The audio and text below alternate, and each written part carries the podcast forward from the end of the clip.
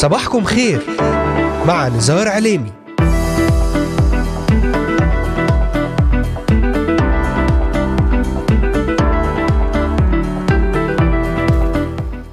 أهلا وسهلا بجميع مستمعينا ومستمعاتنا الكرام وبجميع الذين انضموا الآن لبرنامج صباحكم خير.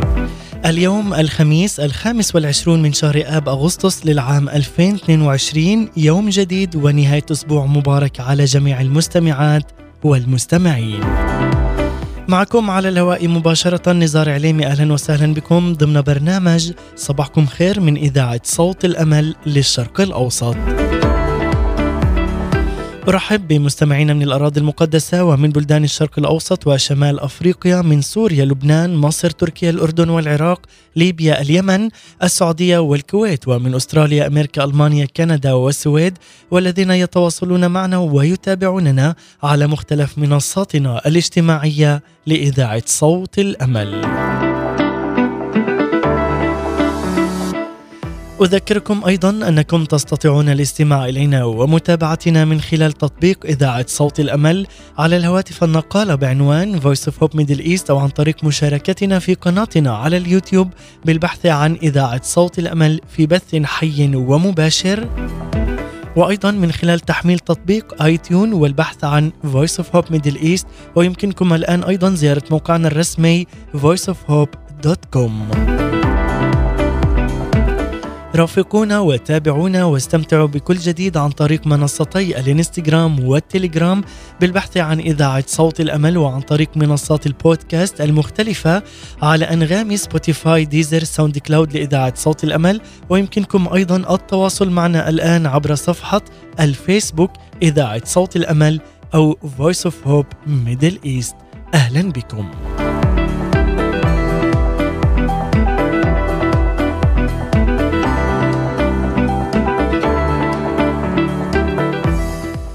لا تطفئ الروح القدس ولا تحزنه. بعدم طاعتك له واستسلامك للخطية حتى تبقى متمتعا بسلام ورحمة وغفران ومحبة السيد الرب يسوع المسيح. فتقول بصدق كلمات المزمور القائلة أما أنا فبالبر أنظر وجهك أشبع إذا استيقظت بشبهك. نعم في كل صباح وفي كل يوم جديد. سيريك الروح القدس الرب يسوع المسيح لتشبع به وتتمتع بمحضره. هذه هي أول ملامح الحياة الجديدة. العلاقة الشخصية مع الرب التي تبقى دائما جديدة ومتجددة في كل يوم جديد. كل يوم يزداد أكثر وأكثر إدراكنا واعتمادنا أيضا على حبه لنا. وفي كل يوم يزداد أكثر وأكثر حبنا له. وتمتعنا بحلاوته. لأن الرب يسوع المسيح لا يزال يدعو كل النفوس أن تأتي إليه لكي يريحها من متاعبها ومن أحمالها الثقيلة. راحة شاملة أي راحة لضميرك لنفسيتك وراحة لذهنك. هل لك هذه الرؤية الجديدة التي تجعلك بسهولة تضحي بأي شيء مهما كان ثمينا إن كان يعطل تمتعك بالرب أو استخدامه لك؟ هل لك هذه الرؤية الجديدة التي تجعلك ترى التمتع بالخطية نفاية؟ إن كنت قد نلت الحياة الجديدة فبكل تأكيد الروح القدس سيلمس عينيك لتكون لك هذه الرؤية الجديدة. كما كانت لك العلاقة الجديدة. لذا تواجد كثيرا في محضر الرب ليظل الروح عاملا فيك ويحفظ لعينيك هذه الرؤية الجديدة والمتجددة. بعد هذه المقدمة لكم أحباء المستمعين نتحدث اليوم ضمن رسالتنا في الجزء الثاني من هذه الرسالة هو ذا الكل قد صار جديدا. تابعونا على مدار هذه الساعة الصباحية ولأي سؤال أو استفسار تواصلوا معنا الآن. وللتنويه تستطيعون أيضا الاستماع والعودة إلى جميع حلقات برنامج صباحكم خير من خلال متابعتنا على محرك البحث إذاعة صوت الأمل في كل من تطبيقات أنغامي سبوتيفاي ديزر أمازون ميوزك وستجدون جميع هذه الحلقات والعديد من البرامج الخاصة لإذاعة صوت الأمل على هذه المنصات المختلفة. وأذكركم أيضا أن هذه الحلقة تعاد في تمام الساعة الثالثة ظهرا بتوقيت القدس. لنبدأ معا في هذه الرحلة الجديدة ومع الجزء الثاني هو ذا الكل قد صار جديدا.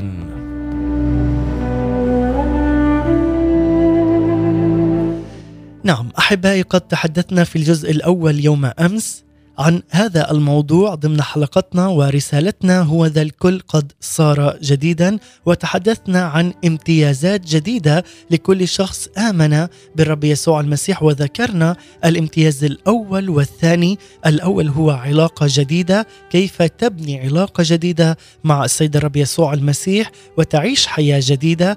وأيضا تحدثنا عن الامتياز الثاني وهو حول الرؤية الجديدة وكيف أن الرب يعطيك رؤية جديدة في حياتك وأن يزيل القشور من عينيك لتستطيع أن ترى نور ومعرفة رب المجد يسوع المسيح.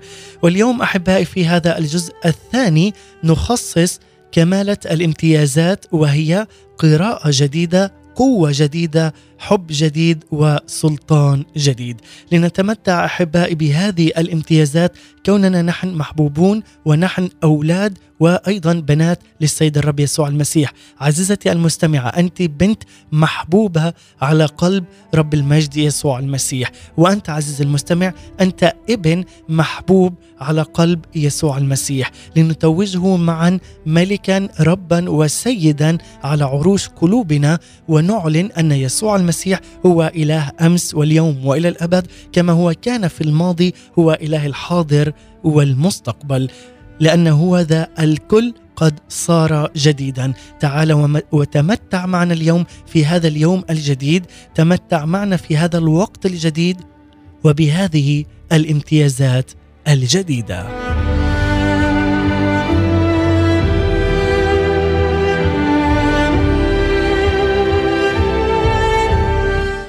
عندما تحدثنا حول الامتياز الثاني وهو حول الرؤية الجديدة قد تطرقنا أيضا إلى مثال شاول الترسوسي كيف أزال الرب يسوع المسيح القشور عن عينيه وأصبح بولس الرسول الذي أصبح يبشر بكلمة السيد الرب يسوع المسيح. واليوم نبدأ أحبائي مع القراءة الجديدة.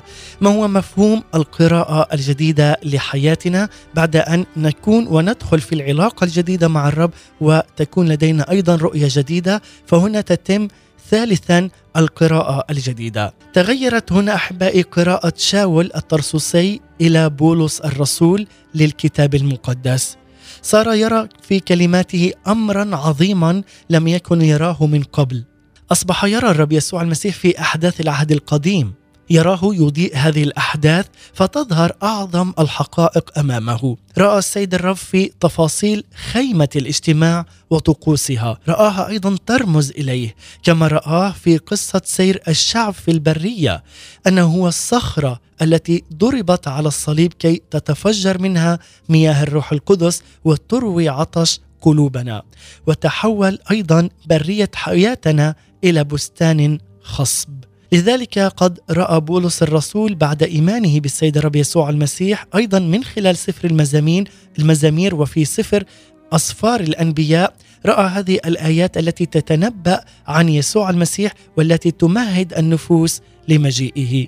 لكن ليست كتابات الرسول بولس هي وحدها التي تعلمنا فقط أن نتطلع إلى أحداث وكلمات اسفار العهد القديم لكي نرى فيها يسوع المسيح. علينا أيضا أن ننظر إلى العهد الجديد عهد النعمة. انظر معي عز المستمع إلى إنجيل يوحنا وخذ الإصحاح الأول كمثال.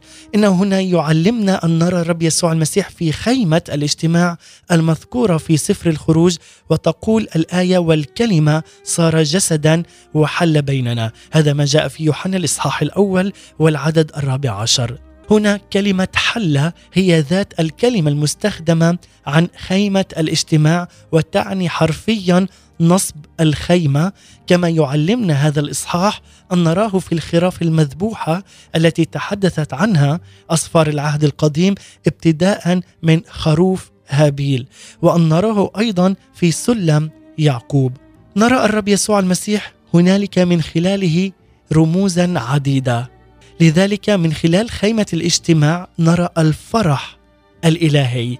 الرب اقترب جدا إلينا مثل اقتراب خيمة الاجتماع من خيام الشعب حيث كانت تقف في وسطها، ونراه أيضا مرموزا له بالخراف المذبوحة فنفرح أنه ذبح كخروف كفارة عن خطايانا لجميع الشعوب.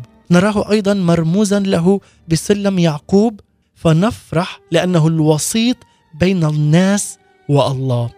لذلك عز المستمع هل تتطلع إلى رؤية الرب في أحداث وآيات كل اسفار الكتاب المقدس بعهديه القديم والجديد إن كثيرا من مقاطع الكتاب المقدس التي تبدو لك أيضا تفيض بالحياة وتفيض لك بالنعمة وبمحبة رب المجد يسوع. هل فعلا ترى من خلال هذه الآيات محبة يسوع؟ هل فعلا ترى سلام ورأفة ورحمة يسوع المسيح على حياتك؟ هذه هي الرؤية التي تراها عند إيمانك بالسيد الرب يسوع المسيح وتصبح لديك هنا قراءة جديدة. هذه القراءة ستتمتع بها عندما تلهج بكلام السيد الرب يسوع المسيح ليلا ونهارا. لذلك في كل مرة تقرأ فيه الكتاب المقدس اتجه اتجاها مباشرا إلى السيد الرب واطلب منه أن يعلن لك عن ذاته. تذكر ما حدث أيضا للتلميذين في طريقهما إلى عمواس حينما رأيا الرب يسوع في أحداث اسفار العهد القديم وتحدثا معه ولقد شهدا قائلين ألم يكن قلبنا ملتهبا فينا؟ نعم هذا هو القلب يلتهب بحب السيد الرب يسوع المسيح في كل مرة يراه ويتحدث معه خلال قراءة الكلمة. ويتحدث أيضا معك اليوم وعندما أنت تقرأ في كتابه المقدس سيلتهب قلبك بحب السيد الرب يسوع المسيح. وكل مرة تصلي وتأتي به خاضعا إلى السيد الرب يسوع المسيح ستشعر بدفء محبة رب المجد يسوع المسيح.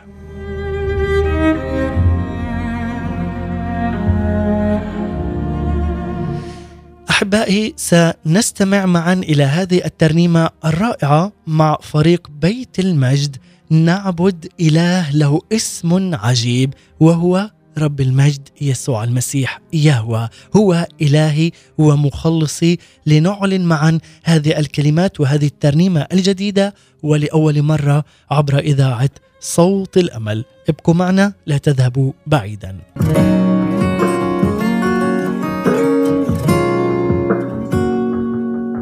نعبد إلها له الاسم العجيب. أدوناي يهوى إلهي. نعبد إلها له الاسم العظيم. يسوع يخلص شعبه. نعبد إلها له الاسم العجيب أدوناي يهوى إلهي. نعبد إلها له الاسم العظيم. يسوع يخلص شعبه. اسمك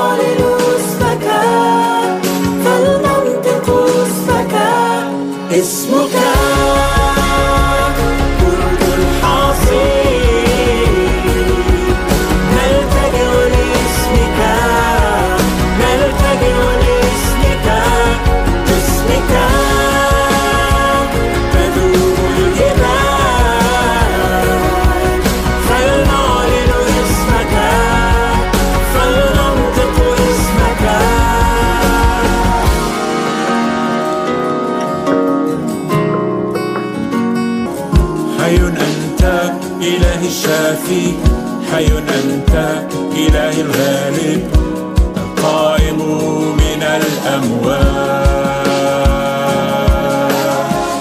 حي أنت إله الشافي حي أنت إله الغالب. باسمك نصنع الآيات. اسمك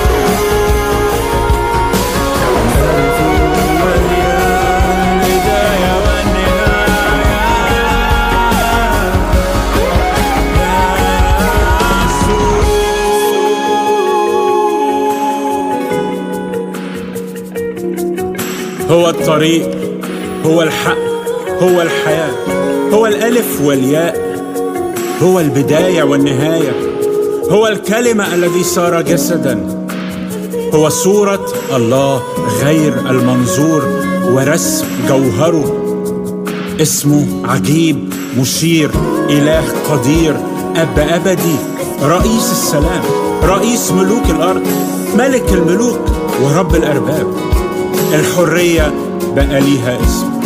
الحب بقى ليه اسم. الشفاء بقى ليه اسم. القيامة بقى ليها اسم. والحياة بقى ليها اسم. والاسم ده يسوع. نلتجئ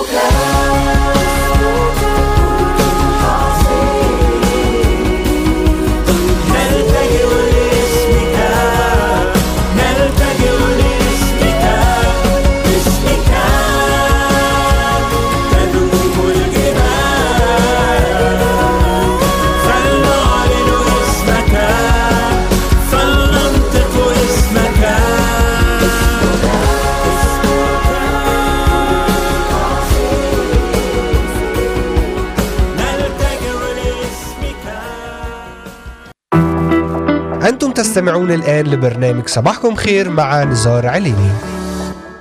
نعم عودة من جديد إليكم أحباء مستمعي ومتابعي إذاعة صوت الأمل. بعد أن استمعنا إلى هذه الترنيمة مع فريق بيت المجد نعبد إله له اسم عجيب أدوناي يهوى إلهيم.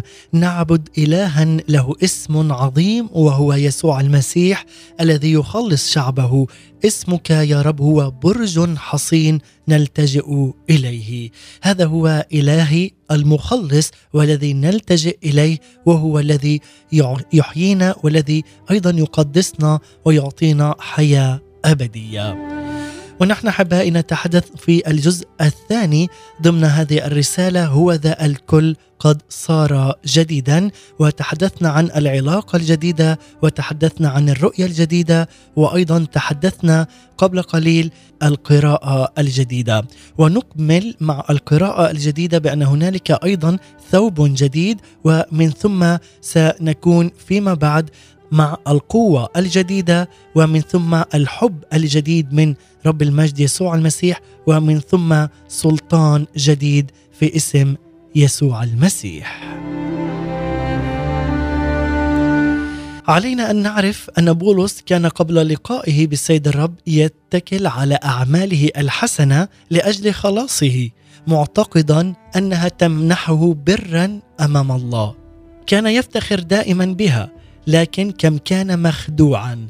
لقد بذل قصارى جهده في طاعة وصايا الله والتي يطلق عليها كلمة الناموس بإخلاص شديد حتى أنه قال عن هذه الفترة من جهة البر الذي في الناموس بلا لوم. لكنه كان فعلا بلا لوم في عيني نفسه وفي عيون الناس ولكن ليس في عيني الله.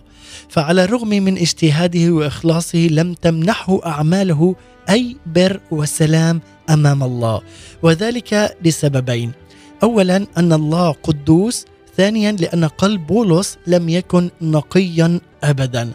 مرة أخرى لسببين لأن الله قدوس. وثانيا لأن قلب بولس لم يكن نقيا ابدا. ما معنى هنا أن الله القدوس؟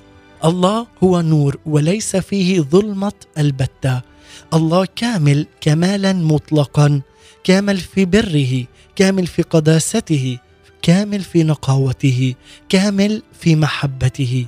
وأمام هذا الكمال المطلق لله وأمام مجده وجلاله تصبح كل المخلوقات غير نقية وناقصة. وأيضا أعمال الإنسان مهما سمت تبقى غير نقية. لذلك مهما كانت أعمال الإنسان حسنة ولكن تبقى غير نقية وناقصة بدون مجد يسوع المسيح. لذلك يقول في سفر أيوب الإصحاح الخامس عشر والعدد الخامس عشر السماوات غير طاهرة بعينيه. وأيضا يقول كيف يتبرر الإنسان عند الله؟ هو ذا نفس القمر لا يضيء والكواكب غير نقية في عينيه. فكم بالحري الإنسان أي ابن آدم. لذلك يقول وتذكر أنه حينما تواجد إشعياء النبي في محضر الله رأى نفسه في نور الله ومجده فعرف في الحال أنه ليس بلا لوم أمام الله. وقال ويل لي إني هلكت لأني إنسان نجس الشفتين لأن عيني قد راتا الملك رب الجنود. هذا هو الله الحي الله الذي أحبنا. بقداسته وهو قدوس إلى الأبد. ثاني سبب وهو قلب بولس. هذا السبب الثاني الذي لم يجعل بولس برا أمام الله على الرغم من إخلاصه واجتهاده في حفظ الناموس لكن الله لا يرى أعمال الإنسان فقط بل يرى أيضا أفكاره ودوافعه.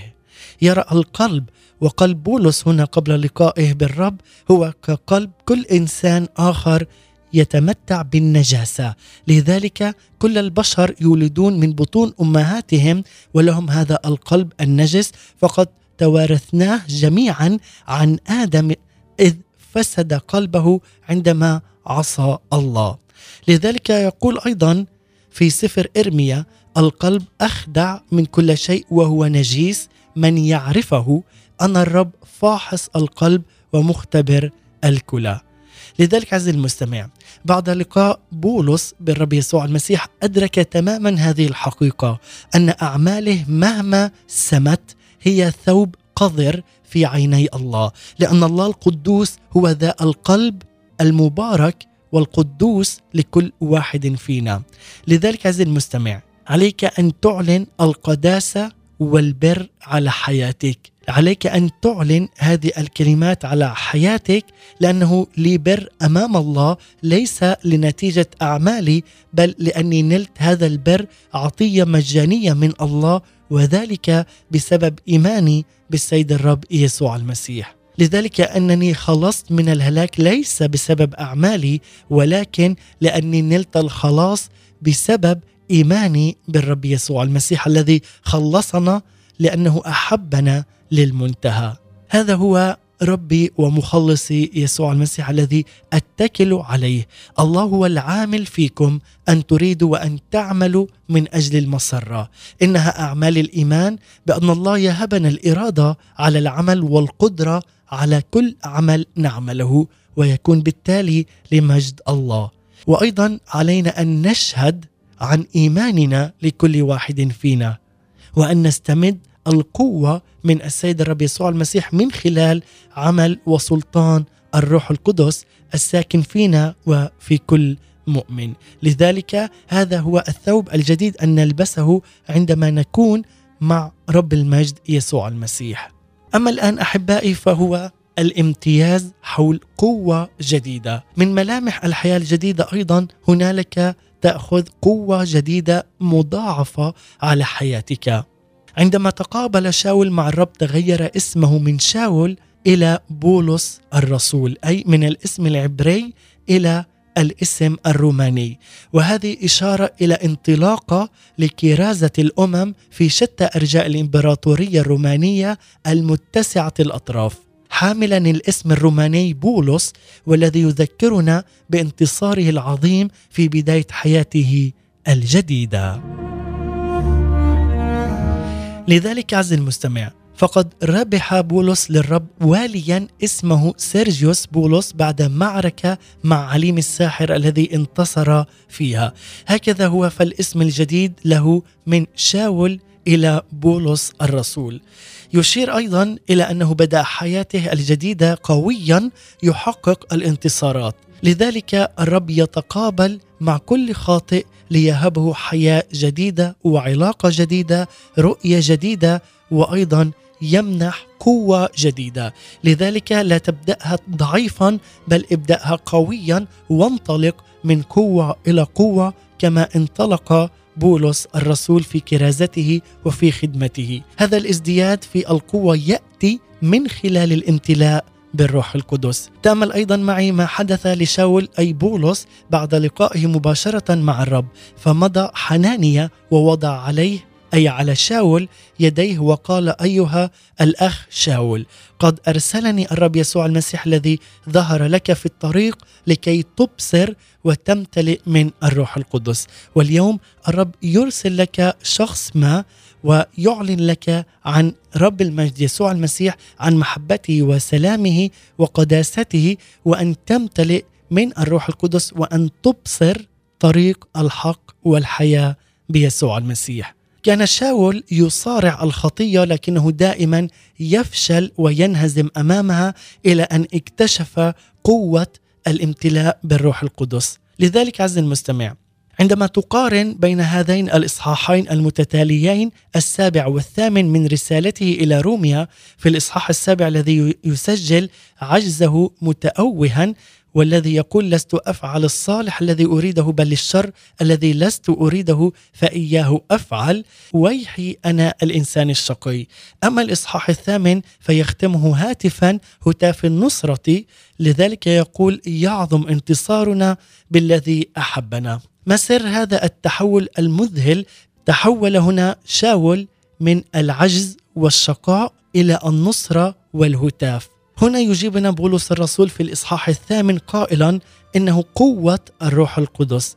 لذلك يقول ناموس روح الحياة أي الروح القدس في المسيح يسوع قد أعتقني من ناموس الخطية والموت.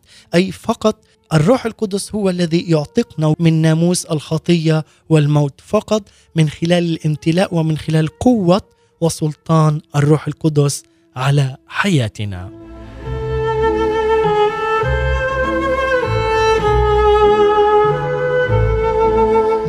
لذلك عز المستمع إن كنت تكرر الخطية سقوط فاعتراف سقوط جديد فلتكسر هذه الحلقة في حياتك بقوة الروح القدس. لأن وعد الله لك أن الخطية لن تسود عليك.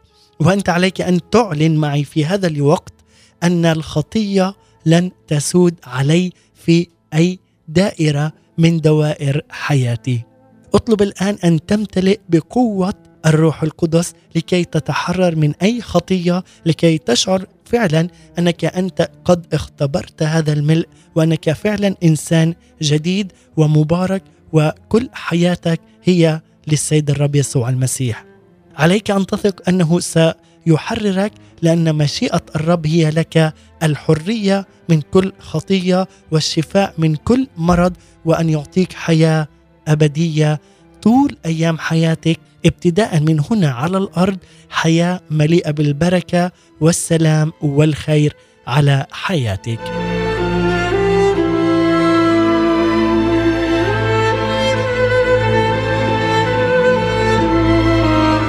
والآن أحبائي نكون مع الامتياز حب جديد. بعد أن تحدثنا أحبائي عن هذا الامتياز قوة جديدة. الآن نتحدث أيضا عن الحب الجديد ولكن بعد أن نستمع إلى هذه الترنيمة الرائعة والمباركة وأيضا ترنيمة جديدة مع فريق قصر الدبارة من مصر ترنيمة عهدك معي. وما هو فعلا هذا العهد الذي هو بينك وبين الله؟ هذه الكلمات نرنمها ونعلنها أيضا أننا نحن أحرار في المسيح يسوع ونحن له كل أيام حياتنا من هنا على الأرض. نحن له ولغيره لن نكون. سنرنم هذه الترنيمة عهدك معي ومن ثم نعود إليكم.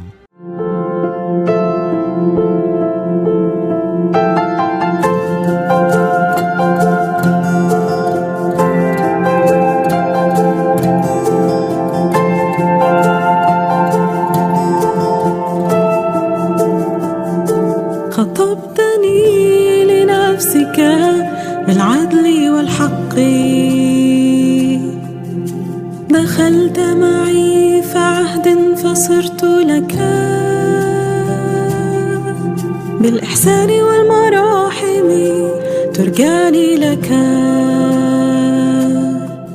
وتسترني بمحبة أبدية عهدك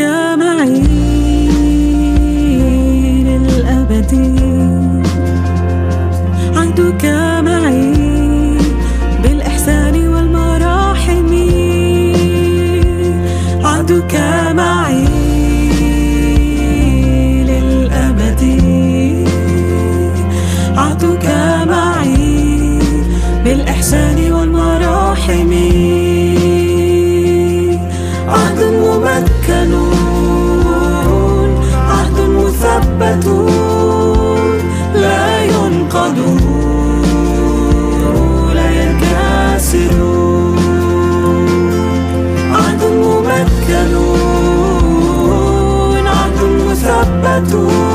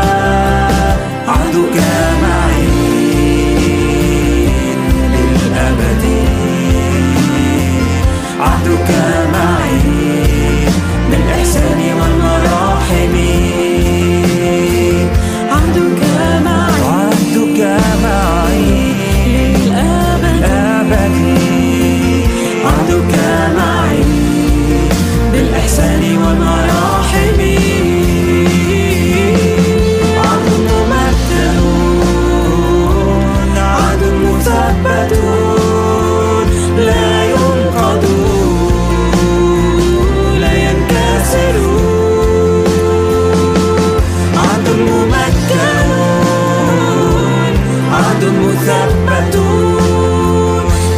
ينقض لا ينكسر لا ينقض لا ينقض لا ينكسر أنتم تستمعون الآن لبرنامج صباحكم خير مع نزار عليني. عودة من جديد إليكم بعد هذه الترنيمة الرائعة مع فريق قصر الدبارة عهدك معي. فعلا وتمتعنا بهذه الكلمات الرائعة. دخلت معي في عهد فصرت لك. فعلا كلمات مباركة جدا لحياتنا لنعلن عهد جديد لأن هذا الزمن هو زمن الحب. وتقول أيضا وتسترني بمحبة أبدية. عهدك معي للأبد. عهدك معي بالإحسان والمراحم. عهدك ممكن ومثبت هذا هو عهد رب المجد يسوع المسيح وأننا نعلن نعيش في عهد النعمة وزمن الحب الإلهي لكل واحد فينا هنا على الأرض. ونكمل أحبائي ضمن رسالتنا وفي الجزء الثاني هو ذا الكل قد صار جديدا والآن مع هذا الامتياز حول حب جديد. ماذا يعني الحب الجديد؟ هذا أيضا من ملامح الحياة الجديدة.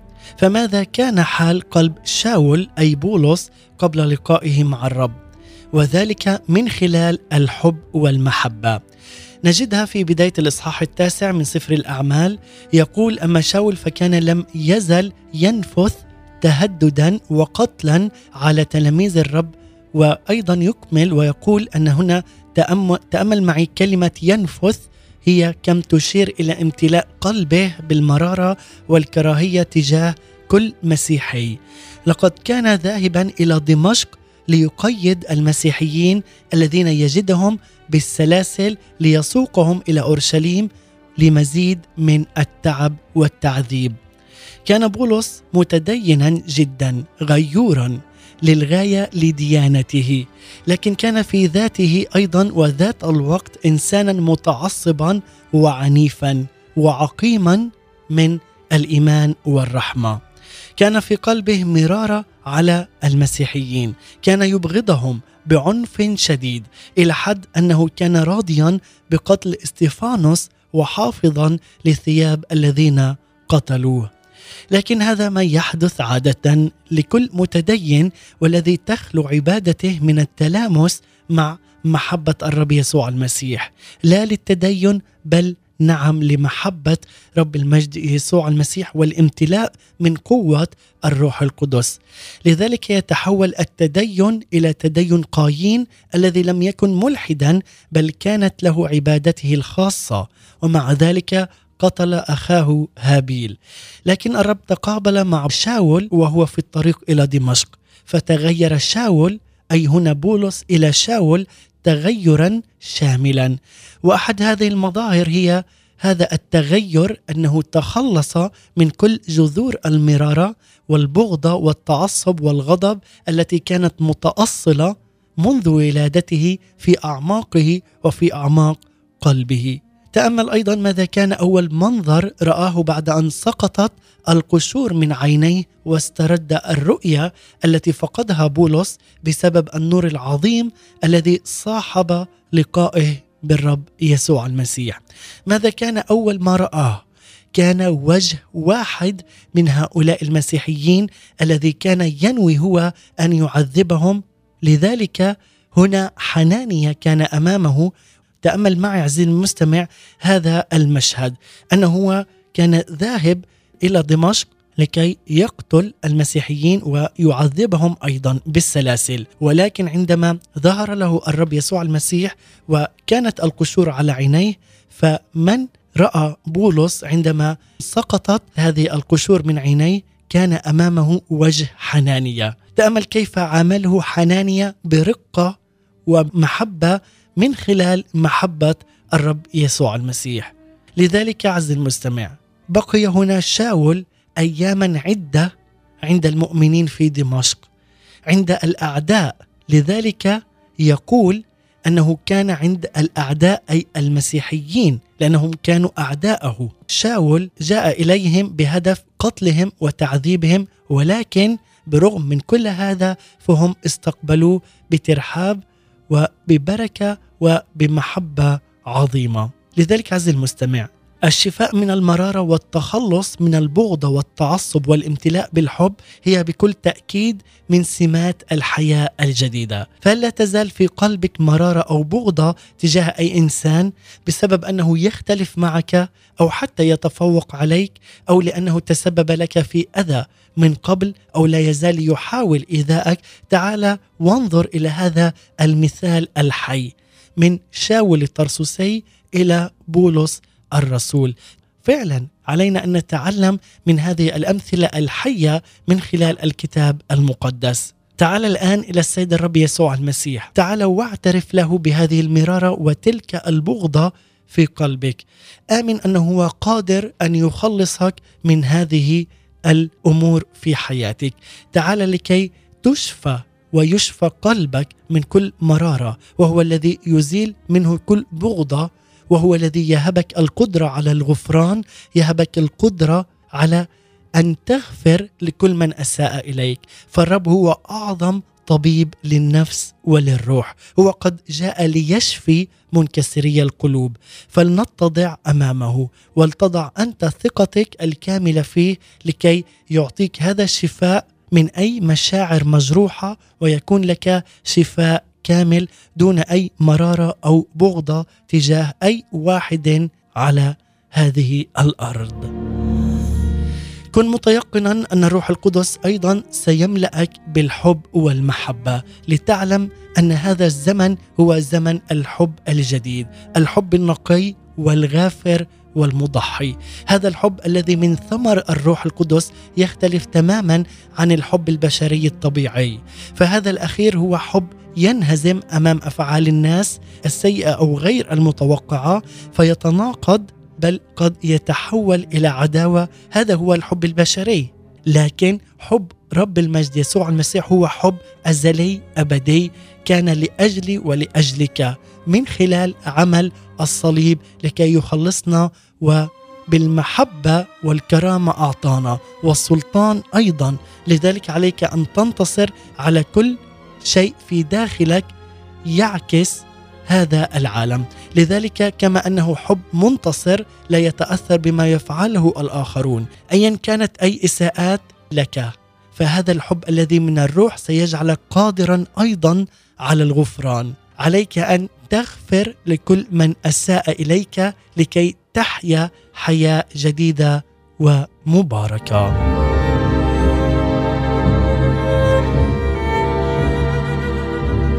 أما بالنسبة للامتياز الأخير وهو سلطان جديد على حياتك يقول هنا أنه لا أحزان بل أفراح لا اكتئاب بل سعادة وفرح لا فشل بل نجاح يقود إلى نجاح ومن قوة إلى قوة لا عبودية بعد بل انتصارات عظيمة لا سيما في الدوائر التي شهدت من قبل هزائم مريرة في حياتك. لا مزله ولا عبودية بل تمتع بالمجد وانطلاقه جديده من مجد إلى مجد. عليك أن تحيا حياة الإيمان حياة القداسة لترى هذا السلطان الجديد على حياتك عزيزي المستمع. لذلك ما أعظم أن نأخذ هذا السلطان الممنوح لي ولك كوننا نحن نتمتع بسلطان المسيح لأننا مخلصون لأننا مفديون لأننا أحرار وأبرار في المسيح يسوع. وها هو بولس أيضا يؤكد لنا هذه الحقيقة قائلا شاكرين الرب الذي أهلنا لشركة ميراث القديسين في النور الذي أنقذنا من سلطان الظلمة ونقلنا إلى ملكوت ابن محبته. هو الذي أنقذنا من سلطان الظلمة وأعطانا سلطان الحياة سلطان الغفران سلطان المحبة وهو الذي نقلنا إلى ملكوت ابن محبته. لذلك عزيزي المستمع التحرر من سلطان الظلمة سلطان إبليس عليك أن تبعد نفسك عن هذه الأماكن المظلمة في هذا العالم لكي تنتقل إلى ملكوت ابن محبته أي إلى ملكوت الرب يسوع المسيح.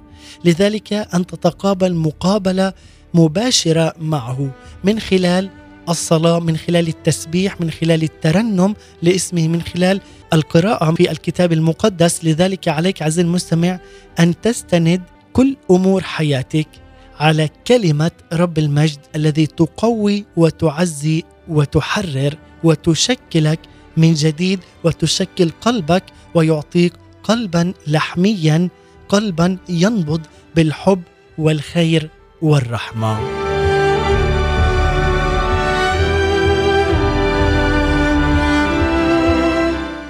لذلك نختتم أحبائي مع هذه الامتيازات الرائعة والتي تعلمناها فعلا امتيازات حقيقية علينا أن نعيشها لكي نختبر قوة جديدة لكي نختبر علاقة جديدة لكي نختبر رؤية جديدة في حياتنا ولكي نختبر قراءة وحب جديد وسلطان جديد من رب المجد يسوع المسيح. هيا تحول عن اعتمادك على أعمالك من أجل نوال الخلاص. تعال وضع ثقتك الكاملة بالرب يسوع المسيح لأجل خلاصك. تعال بكل قلبك وآمن به لأنه هو المخلص الوحيد الذي يحول كل الرماد وكل السواد في حياتك وكل الظلمة إلى بركة ونقاء وأيضا يحولها إلى حياة مباركة لك ولأولادك ولنسلك ولعائلتك. هذا هو يسوع المسيح الذي يهبك الحياة الجديدة لتحيا إنسانا جديدا ونقول فعلا معا أنا أصبحت شخص جديد ولي حياة جديدة وسأبقى متمتعا بالحياة الجديدة وأبقى متمتعا بالقوة والحب والسلطان الجديد الذي ميزني بها رب المجد يسوع المسيح وأعلن أن هو ذا الكل قد صار جديدا.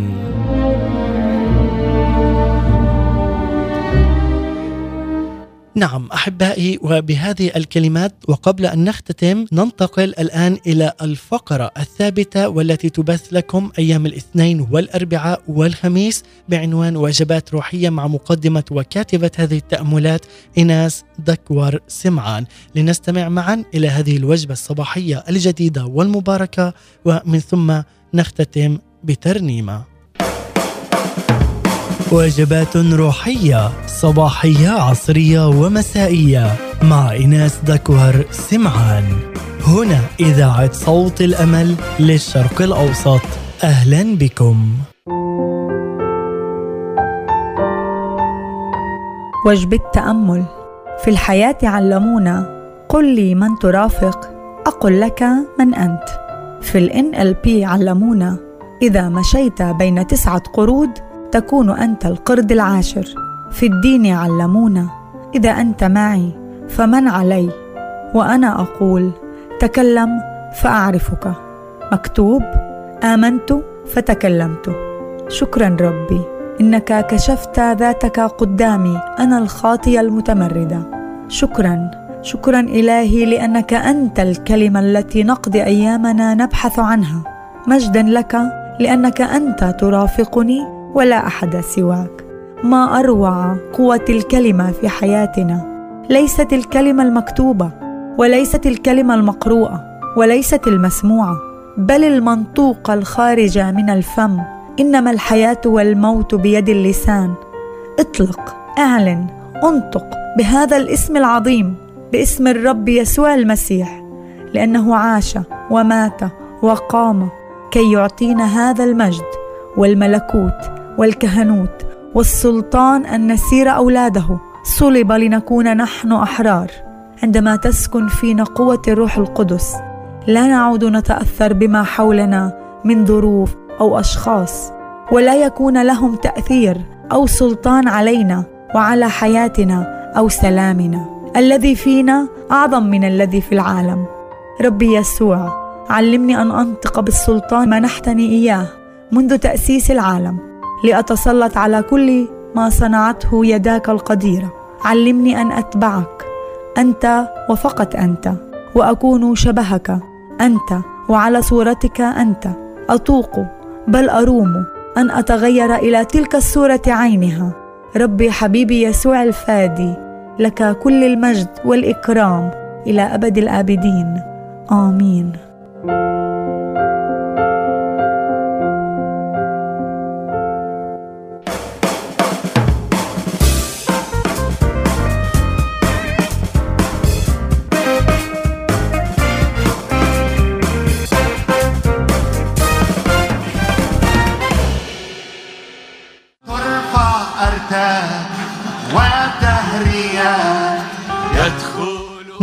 نشكرك على هذا التأمل الأكثر من رائع مع هذه الوجبة الدسمة الصباحية الروحية. وأنا أشكر أحبائي المستمعين والمتابعين لإذاعة صوت الأمل وخاصة برنامج صباحكم خير. أتمنى لكم يوما مباركا هادئا ونهاية أسبوع رائعة في حماية رب المجد يسوع المسيح. ولا ننسى أن نعيش بهذه الامتيازات الرائعة التي ميزنا بها رب المجد يسوع المسيح. أشكركم أحبائي وهذه تحيتي لكم مني أنا نزار عليمي سلام المسيح إلى اللقاء.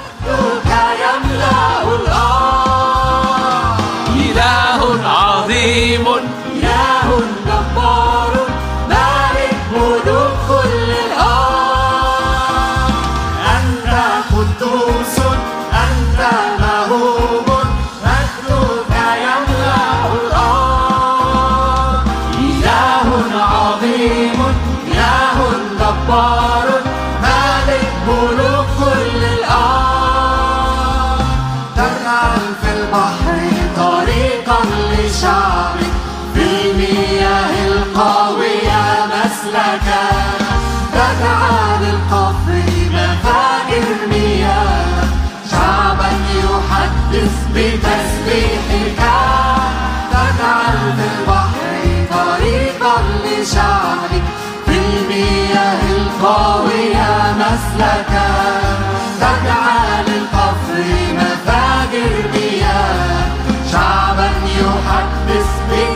بتسبيحك أنت قدوس أنت مهوب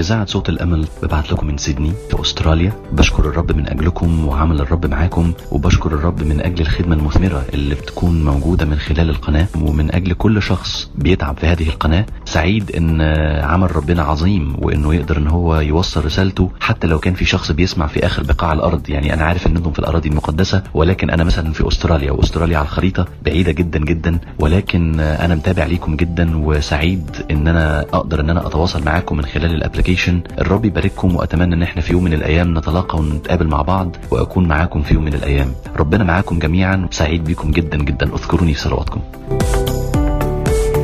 أنا الحقيقة معجب جدا بالإذاعة دي بحب أسمع ترانيم بحب أسمع برامج مسيحية. الحقيقة صوت الأمل رجع لي الإحساس الجميل ده في أثناء آه، ما بسوق العربية أو في أثناء ما أنا قاعد في البيت. البرامج فيها الصراحة حاجات ممتازة تبشيرية وتعليمية وتسبيح تشكيلة منوعة جميلة جدا. ربنا يبارككم ويديكم نعمة. أتمنى لكم يا رب أن تكون فعلا أن إحنا نصنع وأنتوا تصنعوا أعمالا عظيمة لمجد اسم الرب.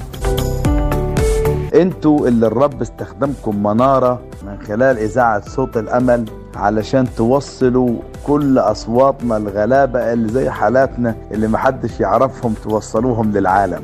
الرب يباركك يبارك خدمتك ويستخدمك يا حبيبي. التأملات اللي حكتهم الأخت جدا كانت مباركة والرب يبارككم على هذا العمل. أنتم مباركين من الرب وأنتم أبطال الرب. نشكر الرب من أجلكم لأنه الكلمة صادقة توصل إلنا والتفاسير اللي نسمعها وكل شيء بهذا البرنامج مبارك. مبارك اسم الرب الذي اختارنا كهنوت وملوك إلى يا رب. أبارككم وأطلب من الرب أن يبارك هذا العمل وإلى الأمام لمجد الرب يسوع المسيح ولخلاص النفوس. آمين. إذاعة صوت الأمل. The Voice of Hope. A strategic communications broadcast station.